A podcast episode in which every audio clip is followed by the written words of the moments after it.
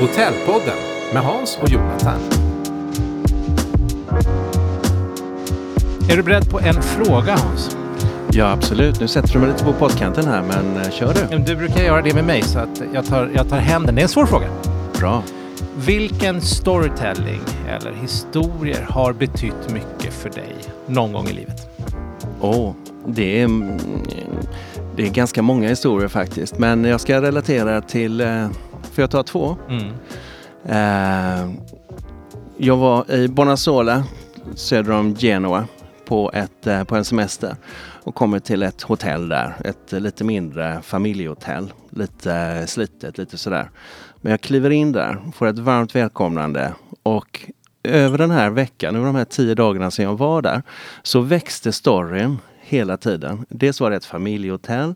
Jag gick in, åt frukost, lunch, middag och då fick jag höra att det här var på eh, familjeporslinet. Sedan tittade jag på väggarna. Jag såg, eh, det var andra, eller tredje generationen till och med, som drev detta. Och det var bilder från Bonanzola som är en, eh, en eh, turistort i, i Italien, en strandort där. Och, och det var liksom, när jag åkte därifrån, jag tog med, detta är ändå tio år sedan. Jag tar med mig det och, och du vet, pratar om det så fort jag kan, just när jag ställs inför sådana här frågor. Sen finns det ju andra hotell också givetvis. Va? Jag skulle vilja nämna Istanbul. Istanbul som har väldigt många stora palats som är, är fantastiska. Och när man kliver in där, då är det en annan typ av story som man får.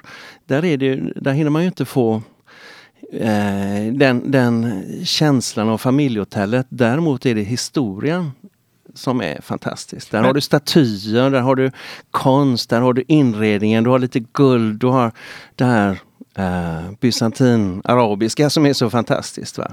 Men Hans, för, för dig som är hotellnörd, då är det så självklart att prata historier i form av hotell.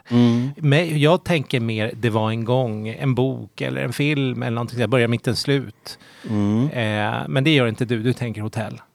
Jag tänker hotell och för mig är hotellet är en bok. Hotellet talar om en story för mig. Det är där jag trivs allra bäst. Sen trivs jag ju också på andra, och jag bor ju på andra hotell också som kanske inte har den här storyn bakom. Men, eh, men det är där jag känner att Gud vad härligt, vilket plusvärde det är här. Jag kan som sagt gå runt i hotellet och titta på bilder och trivas i en inredning och ta del av storyn. Varför tror du jag ställer frågan om storytelling? Det kanske beror på att vi har det som tema. Och vi har en gäst. Vår gäst är en framstående hotellarkitekt och designer känd för sitt arbete inom hotellkoncept och innovation. Med en passion för att skapa miljövänliga och estetiskt tilltalande lösningar har han etablerat sig som en ledande figur inom arkitekturvärlden och sin prisbelönta designstudio Stylt. Hans arbete kombinerar skickligt form och funktion, vilket har givit honom ett eko i branschen. Välkommen, Erik Nissen Johansen. Välkommen Erik, det är så kul att ha det här. Tack så mycket. Det var mysigt att, eh, att någon gör en hotellpodd. Ja, vi försöker det och vi, eh, vi tycker att vi hittills har fått en väldigt god respons. Och det beror ju väldigt mycket på att vi har, eller enbart faktiskt på att vi har underbara gäster. Och bra historier eftersom vi pratar storytelling, eller hur? Ja, verkligen. Det, eh, det här formatet är väl eh, genom att lyssna på historier på något sätt. Är det inte, annars så finns inte de här poddarna. Ja, men eller hur? Visst är detta storytelling? Det vi håller på med nu, det måste ju vara storytelling per Ja. definition.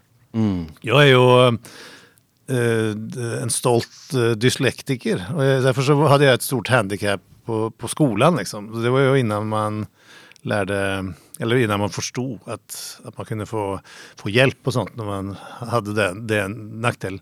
Men det är ju bara för det att eh, någon har kommit på bokstäver och så ska man tolka bokstäver, man ska lära sig dem och sånt istället för att bara lyssna på vad någon har att berätta. Och det är ju på något sätt eh, kittet mellan människor som, gör, som skapar all kultur. Det är ju historier, det är det format som vi kommunicerar med. Mm. Det, är- Har det lett in på din bana? För du är ju konstnär i grunden. Ja. Ja, det, är- det, är- ja men det har ju... Det har ju och jag tror att det, jag har en talang till att liksom koka ned det som egentligen är viktigt för folk. Då. Och det måste man ju om man vill berätta en historia och man vill ha folk som ska lyssna på den. Så måste man ju på något sätt f- intuitivt eller har läst på den här gamla grekiska eh, ehm, dramaturgiprincipen. Liksom. Att man måste ha en inledning. Vet ni vad som hände på vägen hit? Eh, för att liksom fånga publiken och så vidare.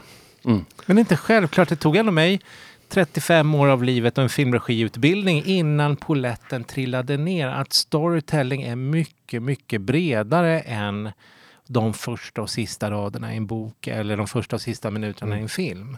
Och idag ska vi ju prata storytelling vad gäller koncept och hotell, vilket du är duktig på, Erik. Jag har ju li- liksom lite grann blivit som man kallar för Mr Storytelling i den här branschen och det har varit både utskällt och hyllat. Och jag skrev en bok ihop med en eh, professor, eh, Lena Mossberg, för eh, 15 år sedan tror jag. Som heter Storytelling som marknadsföring i upplevelseindustrin och den är ju fortfarande eh, obligatorisk för eh, hospitality management och sånt runt omkring i Skandinavien. Och ehm, det som jag tycker är det stora missförståndet, och det, det är ju naturligt att, liksom, man, att folk är för och emot på något sätt och eh, tycker att det är väl bara en modegrej och sånt. Men det är ju inte, det är ju, det är ju formatet som vi kommunicerar med. Historier, det, det, det var långt innan vi uppfann bokstäver och, eh, och liksom, eh, eller tv-kanaler eller reklam eller liksom. Så jag tror att det är för mig så var det det naturliga sättet att, att, att göra någonting som någon, någon som helst mottagare skulle bli intresserad av eller liksom hjärtat skulle slå, slå snabbare. Det var det smartaste smartaste vägen att gå dit och komma dit. Men, eh, så jag tror alla som säger liksom att storytelling det är väl en eh, trend nu. Alla de har fel för det, det är ju alla som jobbar med reklam, kommunikation, alla som står på en scen, alla som pratar, alla som går bort till en annan människa på en nattklubb och öppnar käften. De, det är det formatet de håller på med. Men Erik, om du kan prata till mig för 20 år sedan, i början av min förstående resa av storytelling-begreppet, då såg jag, det gör jag fortfarande faktiskt, eh, hotell som en institution där du drar kreditkortet, får en nyckel, stoppar in den, öppnar en dörr och sover. Kan du koppla det till storytelling på ett sätt så jag förstår? Ja, eh, det är ju... Mm, eh, det finns ju två ändar av mynt, eller två ändar av repet kan man säga då. Det ena är ju att det finns ett behov, Eh, ett rationellt behov att jag ska på ett möte till en stad som jag inte bor i och då eh, ligger mötet väldigt nära ett hotell och där finns en säng som jag kan hyra och, och jag hinner inte till det mötet på den natten, natten innan så jag måste sova över. Och där, är det värde, där skapar det ett värde för mig att betala för den då. Men sen så har du den andra, andra kategorin, alla som åker på semester. Liksom. Där har du ju eh, ingenting med det att göra. Där handlar handlar det om att välja det som är roligast. Det som passar bäst för min grupp, min familj, mina ungar. Eller gillar de att bada i sol, under sol så, så väljer man bort alla som ligger kallt till på något sätt. Och, eh, och då är det otroligt effektivt. För det, det är en väldigt spännande sak i hotellbranschen och det är att Eh, om du har ett helt och rent hotell bredvid tågstationen eller helt och rent hotell i en hyfsat centralt storstad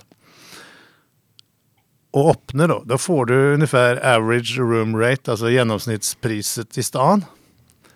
Men om du vill ha mer än det, mer än average room rate, så är det bara emotionella argument som funkar. Eh, alltså icke det argumentet att jag har ett behov av en säng för att jag ska ha, ha ett möte dagen efter. Mm. Och då måste du börja prata med, kommunicera med en viss, inte alla. Ja, därför är det så svårt att göra ett, ett hotellbrand som är, är till för alla. Som Scandic var lite från början när de, eh, när de liksom eh, började att definiera sitt varumärke. Då. Eh, men desto smalare du eh, går, desto större potential för den irrationella betalningsvilligheten över average room rate. Eh, jag kan, jag kan ge ett exempel som eh, jag, jag tror jag liksom gör det lätt att förstå. Vi hade en väldigt trevlig man som kom in, en, en entreprenör som kom in till vårt kontor för några år sedan. Och så sa han, jag, vill, jag har en dröm. Jag vill bygga ett hotell 200 kilometer norr om polcirkeln. Det ska vara 14 rum. Och det ska kosta 150 000 i veckan. Okej. Och då sa ju vi, kan jag få röka det du har rökt? För det. och det hotellet blev av och vi gjorde det och det, det är tre års väntetid eh, för att få ett rum där nu. Och det är ett helikopterskidåkningshotell. Det det är, och han, eh, ägaren då, Claes Darvik, han eh, är en eh, framgångsrik, framgångsrik byggherre. Han bygg, bygger saker. Och hans stora hobby är helikopterskidåkning. Och han åkte ju till Kanada, han åkte till USA, han åkte till Pakistan för att åka helikopterskidåkning. Och eh, han, eh, så märkte han då när han för första gången kom till Riksgränsen att säsongen startar så sent där uppe för det är så jäkligt långt norr. Så, så i januari kan det, är det inte öppet ens där liksom och inte i februari och inte i mars. I mitten av april så öppnar de. Och sen så blir det jättebra i maj och juni. Och då betyder, det betyder att då är det midnattssol, du kan åka skidor under midnattssol. Och han märkte när han betalade dyra pengar för att åka till Kanada så risken var ju att de tre första dagarna kunde vara storm och då satt man ju och kurade inne och bara väntade på att vädret skulle bli bra liksom. Så när skidåkningen väl, när vädret var bra så åkte man ju 24 timmar om det gick. Fast det kunde man inte för där blev det mörkt då. Eh, och 14 rum skulle han ha för att en helikopter tog sju, sju gäster. Eh, och säger du det som han sa till mig, de första tre meningarna till en, en traditionell Scandic eller Choice-arbetare så ska, nej, det är ingen idé att ha ett hotell under 70 rum för det går inte att få lönsamhet i. Tycker de då. Så det är ju ett, ett, ett eh, och, där har du ett förhållande mellan gästen och hotellet. Att gästen är redan kär i sin hobby. Man, är, man, man gör ju vad som helst för, sin, för sin, eh, sitt stora intresse. Liksom. Man betalar 150 000 i en vecka, för en vecka. Det är ju idioti, men de gör det med stort smil. Veckorna där uppe går på andrahandsmarknaden till och med för högre priser. Liksom, för folk eh, vill göra det. Och där, där, där ser man lite grann potentialet i att den ena änden av repet i branschen säger att nej, det går inte att få lönsamhet i ett hotell under 70 rum. Och den andra ändan får 150 000 kronor på en, för en vecka.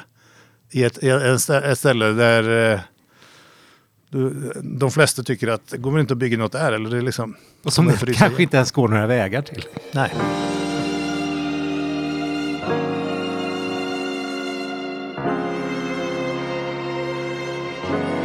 Och det är ju intressant. Här har du då en gäst som upplevt de här bitarna och det är hans stora intresse att eh, åka skidor. Och så har han en tanke, han är byggherre också, han vet hur man bygger saker och ting. Och så kommer han till dig och jag misstänker att anledningen till att de kom till dig är att det här hotellet måste fyllas med mer än bara den där maskinen som gör att man kan betala. Ja, just det. Då, då handlar det verkligen om att mm, vi vet vad, vad magneten är och det är ju kärleksförhållandet mellan sin hobby och det här. Eh, han insåg dessutom en, liksom en affärsmässig fördel att det här hotellet kan förlänga den internationella eh, helgskisäsongen med två månader. Ehm, så, så, alla de här som han träffade i Kanada, i Argentina, i Pakistan som älskade den här hobbyn. De blev jäkligt glada för nu blev det plötsligt. Och nieku betyder eh, dröm på nordsamiska då, som är den samiska dialekten som samerna har där uppe. Och det var ju, detta var det första ordet han sa till oss. Eller jag, jag har en dröm. Eh, första gången på mötet. Var det det som fick, eh, fick dig att tända till på det? Och... Ja precis, när, mm. vi, när vi letade efter ett namn då. Så mm. det heter eh, Njeku Mountain Villa heter, heter hotellet. Hans, Ja. Du vet ju jättemycket om vår gäst Erik. Mm. Och jag vet betydligt mindre, men jag vet ändå en del för jag har läst på. Mm. Publiken vet ingenting. Kan inte du fråga vem Erik är? Erik, berätta lite grann om din bakgrund. Som sagt var, du har, det är jätteintressant det här med, för, för du är Mr Storytelling. Du var den första som jag känner till som började med storytelling i branschen och det har du spridit ut globalt ganska kraftigt alltså. Hans, äh, märkte du att jag frågade en fråga om storytelling och han svarade med en jätte, jättebra historia. Jag tycker mm. det är så elegant. Ja. Jag ska inte avbryta dig. Vad är din bakgrund Erik? Kan du, eh, kan du berätta lite grann om hur du kom in i det här spåret? Ja, jag brukar presenterar mig som en eh, fiskare fångad i en hotelldesigners kropp. Eh, men, eh, men jag är eh, dyslektisk norrman som eh, insåg väldigt tidigt på skolan att eh, jag var sämst i klassen på 80 procent av ämnena och bäst i klassen på 20 procent blir det då. Va? Vilka 20? Ja, det var eh, teckning, form och färg och allt, allt, det, allt det här liksom. och så hade vi en väldigt inspirerande, hade en, en väldigt inspirerande teckningslärare som delvis ordnade en resa till Italien som vi gjorde, klassresa. Men som berättade så passionerad om eh, Medici-familjen och renässansen och sånt som egentligen, jag tror man kan hävda att det är det moderna, den, den moderna tidens födelse lite grann. Det var i alla fall första gången i större skala på 1500 år där man eh, insåg att, eller ville testa idén om att kunsk, vad händer om kunskapen är för alla istället för bara några. Och eh, då bestämde jag mig för att jag vill studera i Florens i Italien för det var där det eh, hela, det hela startade. Då. Och så kom jag in på eh, Instituto per l'arte restauro och, och eh, flyttade dit.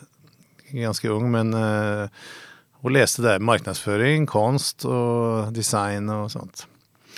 Och då träffade jag Peter Apelgren där på, jag gick i, vi delade konsthistorieklass och eh, vi hittade varandra väldigt väl där. Han, han, är ju en känd komiker. Jag tänkte ju säga det, en känd han, svensk, svensk komiker. Och ja, konstnär också. Mm. Men han är ju mer, mycket mer konstnär mm. än han är komiker. Okay. Men det är ju komikern han är känd för mm. mer.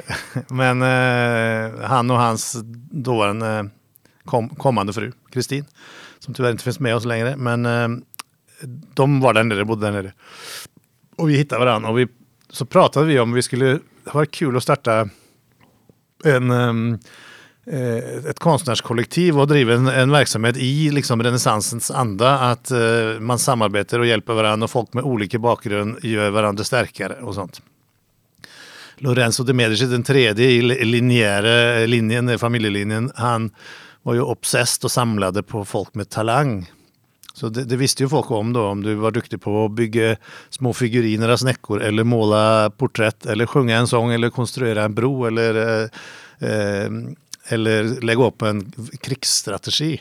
Så kunde du knacka på dörren och presentera. Och så tyckte han om det då, så fick du anställning som, eh, och jobbade i en stor, stor ateljé som alla de här poeterna och brobyggaren jobbade eh, samt, samman i.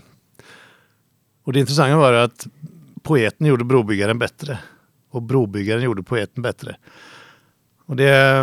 Eh, och i, i, liksom, med den idén som grund då, så tänkte vi att det var kul att göra det.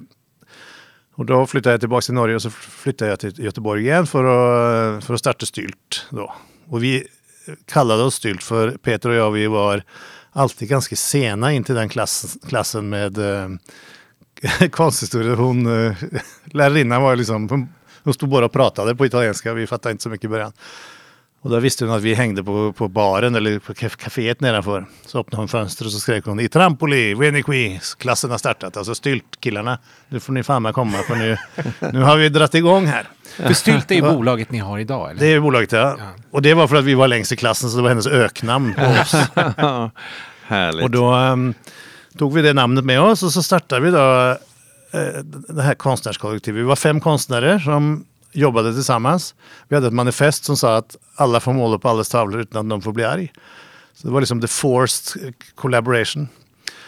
Och vi gjorde restauranginredningar, vi gjorde branding till våra restauranger. Vi, vi hjälpte våra krögarkompisar och kunder då till att liksom bjuda in rätt folk och få rätt fart på grejerna liksom i början. Och vi gjorde reklamuppdrag och vi, gjorde, vi hade gallerier och utställningar med kände mycket konstnärer från New York. Vi bjöd hit dem och de bjöd dit oss. Och, så. Eh, och det höll, höll i tre år. Så var det, lite, det var ju lite surt också att någon kladdade ner på den målningen du hade börjat på. Men det intressanta var att jag, att jag märkte en sak att resultatet blev alltid in, inte som jag hade tänkt men det blev annorlunda. Och annorlundahet är liksom, that's the currency i dagens uh, upplevelseindustri. Um, speciellt nu när, um, när, när det finns så otroligt, alla har en egen kanal hur de kan få ut sitt budskap. Liksom.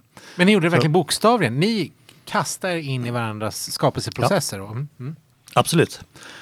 Och det finns på våra kontor idag har jag bevarat en del av de oljemålningar vi gjorde tillsammans och sånt. Eh, men vi, vi delade upp oss efter tre år, så 1991 så splittrade vi och då tänkte jag att där ville jag starta ett bolag och jag var så otroligt inspirerad av processen som vi gjorde ihop med våra restaurangfolk. Liksom det här samarbetet. att Kockens insikt var viktigt och ägarens insikt var viktig och bartenderns var viktig. Min var viktig, den som gjorde logotypen var viktig. Liksom, och fick, man, fick man alla dem till att lira samma melodi, hamna på samma frek frekvensområde, så blev det en otrolig impact.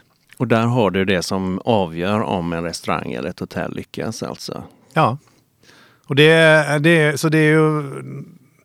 Många designer är ju liksom, har ju en annan taktik att man, man ska göra eh, ha ett signum på sin design på något sätt. Och man ska, eh, men eh, jag, jag tror verkligen att det, det är det det handlar om. Det handlar om att få alla intrycken till gästen till att lira samma, samma frekvensområde eller samma melodi. Då. Så liksom smaken på maten och eh, stämningen på musiken och hur man tas emot och hur, vilka associationer, designen på stolen, väggen, färgerna, ljussättningen. Om, om, om man lirar liksom samma, samma melodi så blir det ett otroligt starkt eh, intryck. Om man säger som så att den som har ett hotell eller ska bygga ett hotell så kan man naturligtvis tänka inredning, man kan tänka koncept och, och, så har man, kommer man till dig. Var startar du i den här processen? Ja, för oss är det, vi har sagt vi, det är fyra frågor som vi behöver få ett svar på. Eh, och nummer ett är ju driftarens förmåga. Och där är det ju, vi har ju kunder som alltifrån Melker Andersson som är liksom Bocuse d'Or-vinnare och känd kock och så har vi Scandic till exempel. De är ju duktiga på olika saker de två. Um, så det måste man ju förstå. Man är ju lite grann som en skräddare som ska sy en kostym. Liksom. Det hjälper inte om kostymen sitter bra och, men, och den är glittrig men du inte gillar Melodifestivalen så är ju, har man inte gjort sitt jobb ändå. Eh, så driftarens förmåga är eh, kanske den viktigaste insikten att förstå. Eh, och sen är det liksom konkurrensen i stan om någon ber mig om att göra en pizzeria så måste jag ha, ha gått in på de andra pizzeriorna som finns som ett val för kunden som ska välja i framtiden den här restaurangen. Då. Så liksom äta sig runt eller eh, titta på hotellen och, eh, och liksom förstå konkurrenssituationen. Och det är ju, det är ju väldigt intressant. Är det en pizzeria så kanske det är i kvarteret. Är det en resort så kanske det är hela världen. Ska vi åka till fjällen i år eller ska vi köpa ett nytt kök eller ska vi åka till Thailand? Liksom? Mm. Och, och sen är det då historien i kvarteret, historien kanske i familjen, historien i eh, byggnaden. Vi var ju inblandade i posthuset innan det blev hotell här i Göteborg. Och då gick ju, då visste ju vi att, och alla andra visste egentligen eh, att eh, Folk kommer ju att kalla det här för posthuset oavsett vad, vilket namn du sätter på det. Liksom. Post kommer man säga, man kommer aldrig säga Clarion. Det är ju helt, helt irrelevant, helt ointressant för folk. För ägarna är det inte ointressant men för gästerna är det helt ointressant. För er som inte känner till Göteborg så är posthotellet då, postbyggnaden eh, är ikonisk och den är välkänd. Alla känner till den som är i Göteborg. Alla som har kommit till Göteborg med tåg ser ju den här byggnaden. Ja. Så den är väldigt eh, maffig och pampig. Var det där jag stod utanför idag med 11 graders minus och frös häcken av mig medan jag väntade på en taxi? Ungefär så. Ja. Antagligen. Ja, men det är på det här torget som ligger framför. Man säger det att eh, hotell som ligger väldigt nära tågstationen, liksom, det, är, det är knutpunkten i en stad. Så. Eh, men eh, då är det ju viktigt att ställa sig frågan hur, hur gör vi för att surfa på det faktumet att och få det till att verka för verksamheten? Än att jobba emot det liksom. Um, och, och så den, den sista frågan då är eh, generella konsumtionstrender. Hur liksom, vad, vad bryr den nya generationen sig om och liksom förstå de sakerna?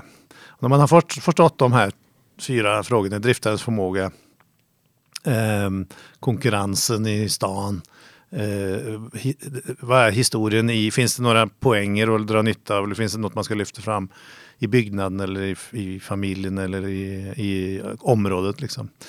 Och generella tendenser och trender så kan man ju, då kan man börja skapa en rekommendation då, som, som skapar längre kö än vad kunden klarar själv.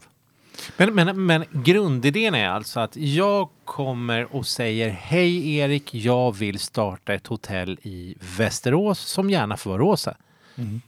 Det är någonstans, det är, ja, Ja, one sentence.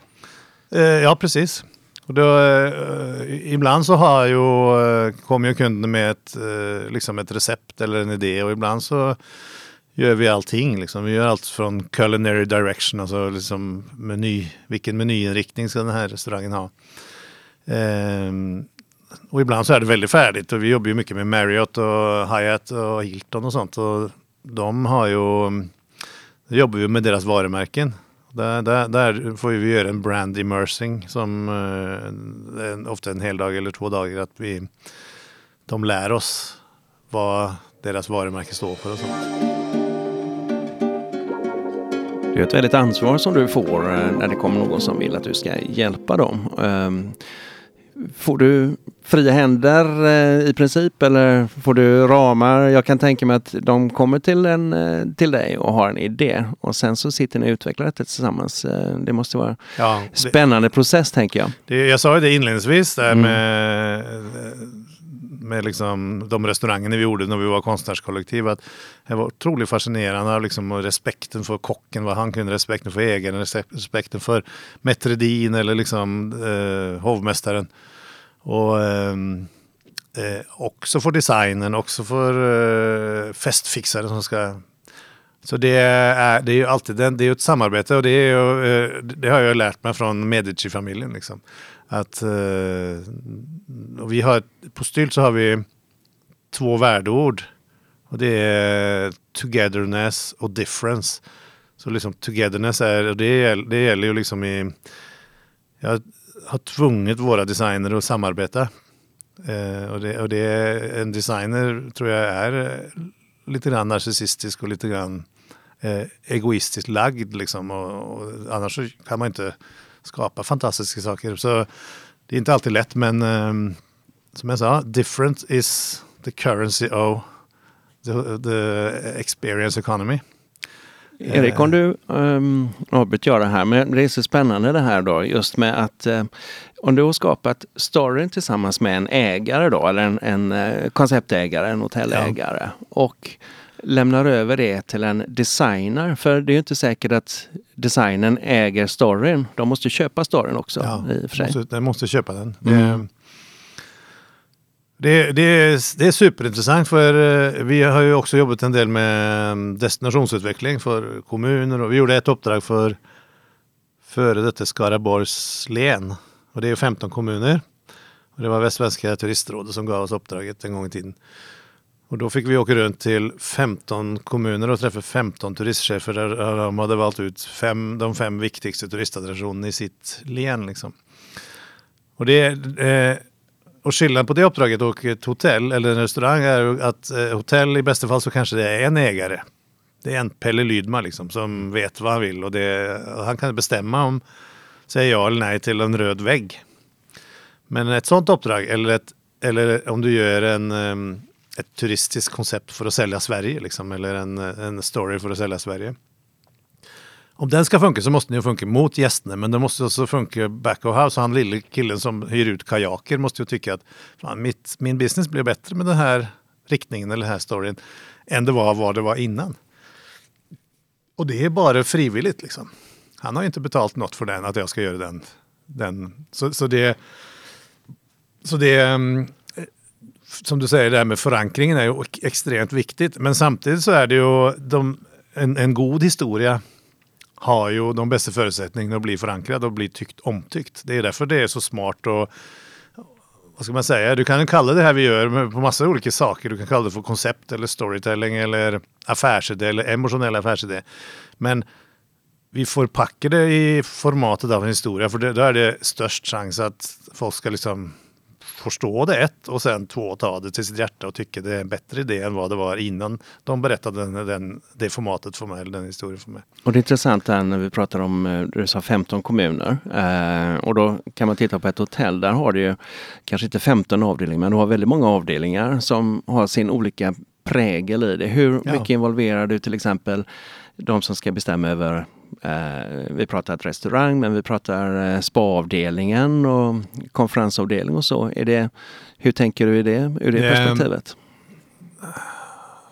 Jag- jag- Igen då, så är jag väldigt, ödmjuk ovanför allas kunskap. Och liksom, du har ju ett, ett, ett ofta kanske negligerat liksom, område som är housekeeping, då, de som städar hotellet och sånt. Och du kan, om du liksom missar, eller, eller de som bär ut maten på en restaurang och äh, rest, äh, kyparen, eller vad heter det? Ja. Och om du, om du liksom missar och sätter äh, stationen fel där vår bestick och servetter ligger så kan, du, kan det innebära att två personer till måste jobba där för att det ska funka. Eller om du, eller om du ritar det lilla rummet där städvagnen ska stå strategiskt fel. Liksom. Så, så, men det, det är ju på något sätt hushålls... Eller vad heter det? Sån, eh, det är ju på något sätt... Um, um, det måste man förstå för att kunna göra ett bra jobb som hotelldesigner. Men samtidigt så är det ju eh, eh det som kanske blir förvirrande att vi jobbar ju med både marknadsföring och positionering och, och liksom få hela bloggosfären till att tycka om det här och berätta den här historien och vidare som du pratade om innan med draken i taket där att, att liksom de gör ju ett jobb då för den verksamheten. För det finns ju en klassisk motsats, motsatsförhållande där, form och funktion. Ja. För när man går in och tittar och man jobbar med hotell, då, då eh, är det ett, en parameter att det ska fungera, det ska vara effektivt, det ska, man ska inte behöva, logistiken ska vara bra eh, och ibland så säger man då, ja men designen ville ha det så här, vi kunde inte göra på detta viset och då är det, det är lite grann av ett misslyckande. Så man måste ju som inredare och eh, designer av ett hotell kunna verksamheten. Ja, ja. Båda är lika viktiga. Och ja. Det finns en, en, eh, ett talesätt ibland hotelldesignbeställare, ofta på de, de som är season, som har jobbat länge på de stora kedjorna och sånt. Att, eh, där, där har ju Stylt en styrka för vi är specialister på det. Vi har bara gjort hotell och restauranger. Och så, eh, och så säger de att jag, jag vill inte ta, ta investeringen med att lära upp en ny arkitekt eller lära upp en arkitekt som aldrig gjort ett hotell innan. Den investeringen vill inte jag, det, det får någon annan ta liksom. Eh, så, så det, och det är ju på grund av det att det är, det är lite komplicerat. Det är massa frågor som du eh, måste göra rätt. Och mm, jag, alltså städvagnspositionen är ju absolut lika viktig som den andra. Det, du, du kommer liksom inte undan det. Eh, om du vill att det ska bli en framgång. Och, det måste vara en utmaning med att kunna bygga ett effektivt och, och samtidigt vackert eh, hotell givetvis. Va? Och jag, jag råkar ju känna till att du är ju, du har ju byggt hotell jorden runt och din grej är ju de här storiesarna då. Och eh, många av dina hotell blir ju, eh, de skap, du skapar ju snackisar på hotellen. Och du har ju nyligen varit involverad i att bygga ett hotell i, eh, eller utforma ett hotell i Göteborg. Just det. Kan du berätta lite grann om vårt kära hotell Draken? Och där har vi draken, så där slipper har vi, vi draken. Ja. Draken, ja precis. För det har ju blivit en snackis. Ja, det har blivit en snackis. Och det är en... Uh, det är ett, ett uh, kärt barn på något sätt. Sen vill jag bara också säga att vi är bara, för du säger du och jag är ju en bricka på stylt med massa otroligt duktiga folk. Och igen så vill jag sträcka under samarbete då, att det är det vi gör. Och eh, sen är det ju samarbete med kunden. Alla de andra eh, underleverantörerna med. Det är arkitekter, det är elfirmor, det är ljussättning, det är otroligt mycket så. Men jag tror ändå vi var liksom regissören till grundnoten där och det var ju Nordic Choice som heter numera Strawberry som byggde, som fick, vann driftskontraktet då. Och det börjar väl med att eh, Folkets hus, som ju är en, en viktig bricka i arbetarrörelsens födelse i Sverige. Det var ju Folkets husrörelsen gjordes ju för att eh, det blev förbjudet att ha möten på torg, på gator och torg. Och liksom när folk började protestera mot villkoren för arbetarna. Och då började man att bygga Folkets hus så man kunde ha mötes inomhus då, möten inomhus utan att polisen kom och bröt mötet. Liksom.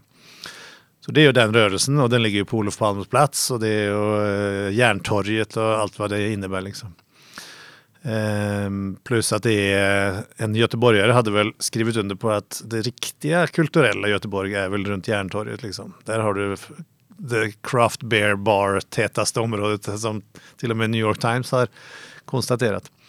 Ehm, och då började det egentligen med att eh, Katalin Paldiak som är idag operativ chef på, eh, på Strawberry då, sa till mig att jag aldrig haft så ont i magen när vi ska lansera ett nytt hotell som det här.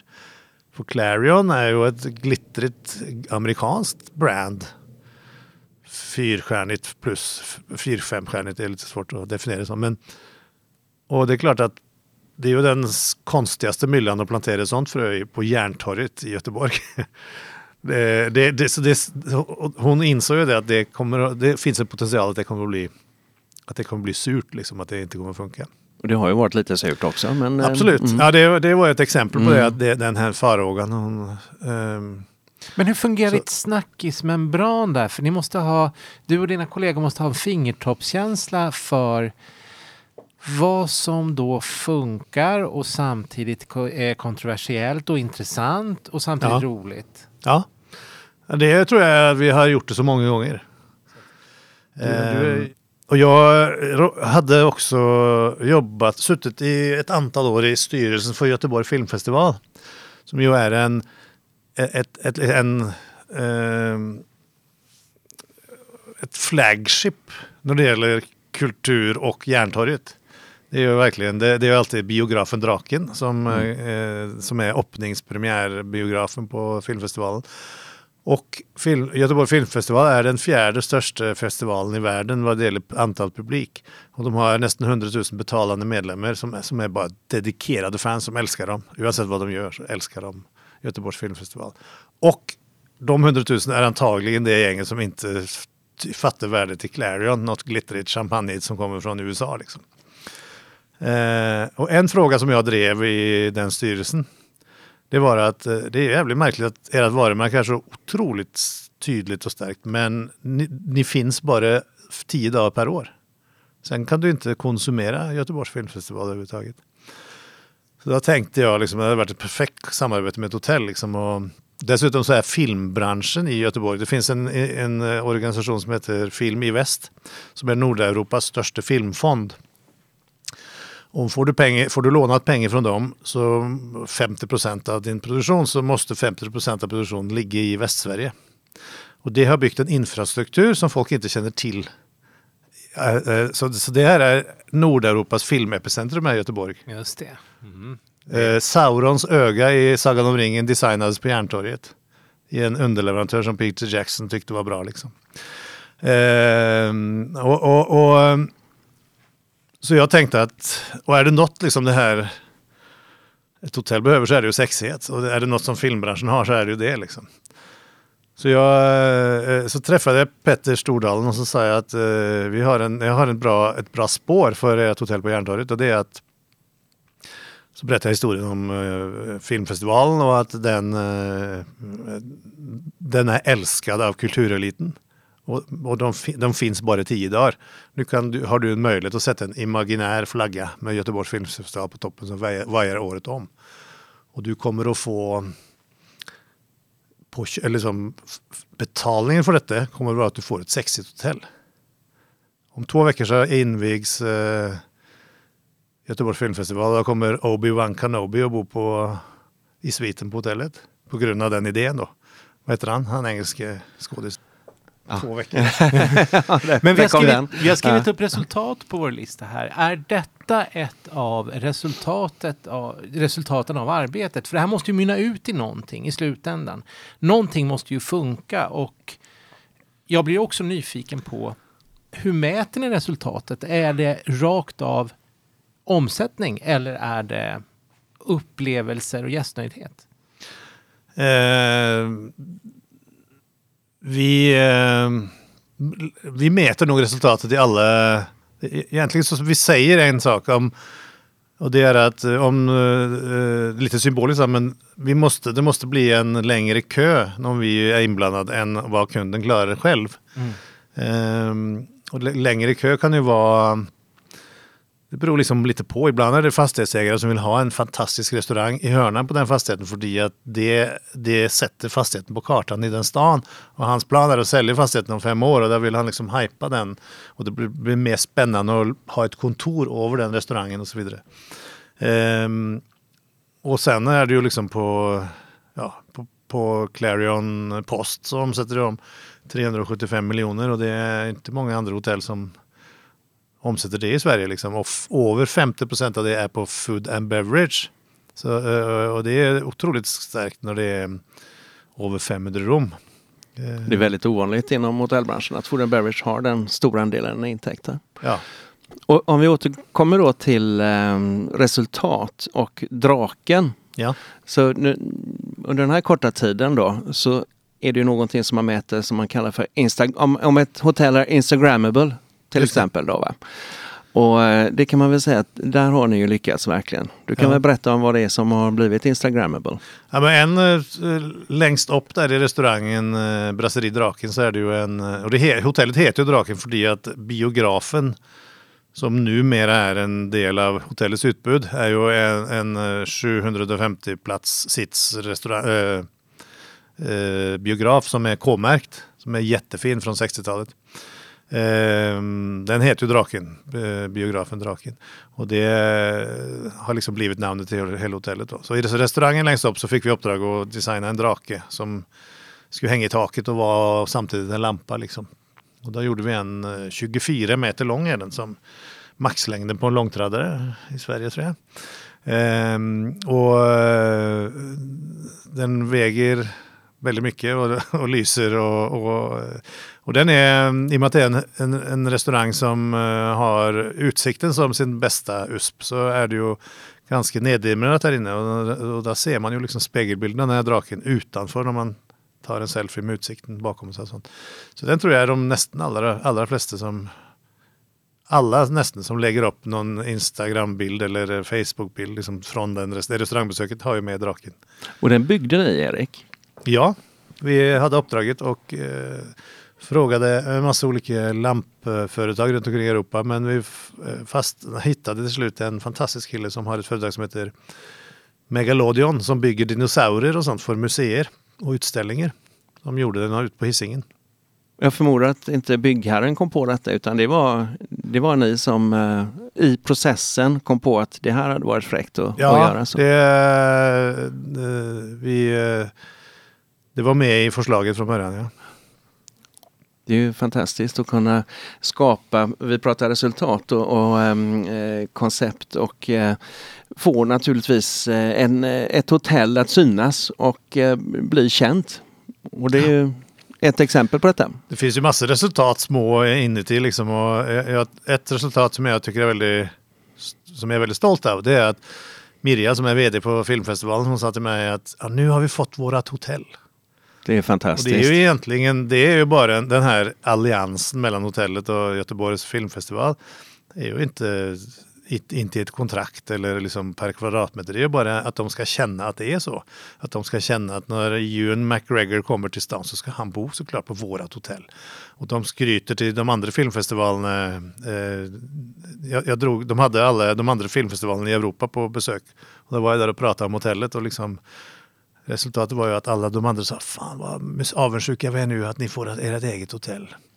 Och de fick ju ett av vardagsrummen i lobbyn har ju de, de fått fria händer i hyllan och sätter sina priser och böcker och liksom i, bo in sig där.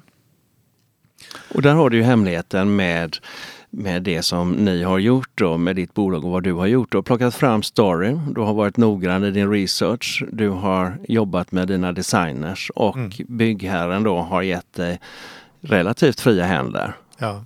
Och resultatet blir ju fantastiskt. Men det är en chansning naturligtvis. Storyn på draken i en mening är The Cultural Amplifier of Gothenburg. Så det är, nu är det på engelska lite larvigt, men, men det, det är ju, hela idén var ju att en, om du bygger det hotellet och eh, eh, de som driver den lilla scenen eller baren eller teatern bredvid tycker att livet blev bättre efter att hotellet byggdes så slipper Catalina ha ont i magen längre.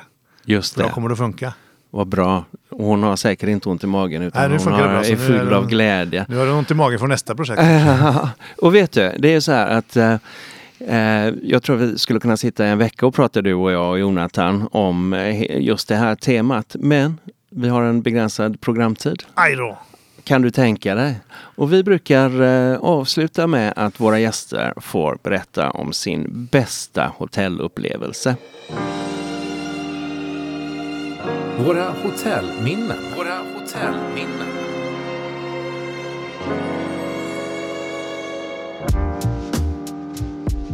Ja, Ett hotellminne rakt av. Taget var som. Det behöver inte vara en, en hotellnatt. Det kan vara någonting kopplat till hotell. ja det, det har, jag har många faktiskt. Men jag, har också ett... Eh, det, det hotellet som jag tycker har speglat sin stad bäst är Mickelberger som ligger i Berlin. Berlin är ju, när när man säger Berlin så får ju folk bilder. Man vet ju liksom, det är konstnärligt, det är, det är alternativt, det är punkigt och, och liksom eh, det är rå betong på väggen och det är nattklubbar och liksom syndigt på något sätt. Eh, och det, det är klart att om du lyckas emotionellt att spegla essensen av en stad. Det är ju antagligen, om, om du åker på semester till Berlin så är det ju det, de orden jag sa innan som du är ute efter. Du vill ju, vill ju ha liksom den här alternativa restaurangen och du vill gå på nattklubben och sånt. Så kan du göra ett, ett hotell som speglar det ordentligt så har du ju ett superargument för att, för, att, att välja det hotellet. Och, och då insåg jag när jag såg det hur lite det kostar att göra det. Och det om du tar något av den billigaste investeringen, det är att bestämma hotellets tone of voice. Hur ska det här hotellet prata? Och i Tyskland då så är det ju förbjudet av lag att röka på hotellrum. Och då måste de ha en skylt i hotellrummet som, som säger att här är det förbjudet att röka. Om du gör det, bryter mot det så, får du, så kommer det en polisutryckning som du får betala för. Eller en brandutryckning. Och där fanns det inte i reglerna hur du behöver formulera den här skylten. Och då skrev de istället att, eh, och alla deras skyltar, allt, allt material är handskrivet på Mickelberger. Så jag skrev de handskrivna skyltar där det stod att om du känner dig lite småkåt på två kraftiga tyska brandmän som stormar in klockan tre på natten och ger dig good spanking så tänd en cigarett men det kommer att kosta dig 5000 kronor. Ja, det var ett vackert sätt att säga det på. Men, men eh, förstår ni hur den skylten differentierar dem Ja. mot de traditionella kedjorna från USA ja. som dominerar marknaden? De, de hade ju aldrig fått lov att få igenom en sån skylt. Nej. Snack om att- snackis. Mm. Snacka storytelling. Mm. Härligt. Tack snälla för den eh, anekdoten. Mm. Då sätter vi punkt här, eh, Erik och Jonathan, eller? Erik, tack för att du kom hit. Ja, var det jättetrevligt. Jätte, Vi får ta en eh, åtta timmars session nästa gång så, så vi hinner att säga något. Eller Det så gör tar vi vi absolut. Hotellpodden med Hans Kanold och Jonathan Kruse produceras av Swedish Frames AB. Temamusiken är gjord av Henrik Lörstad. På swedishframes.se finns också mer information om podden. Nå oss gärna på hotellpodden at swedishframes.se.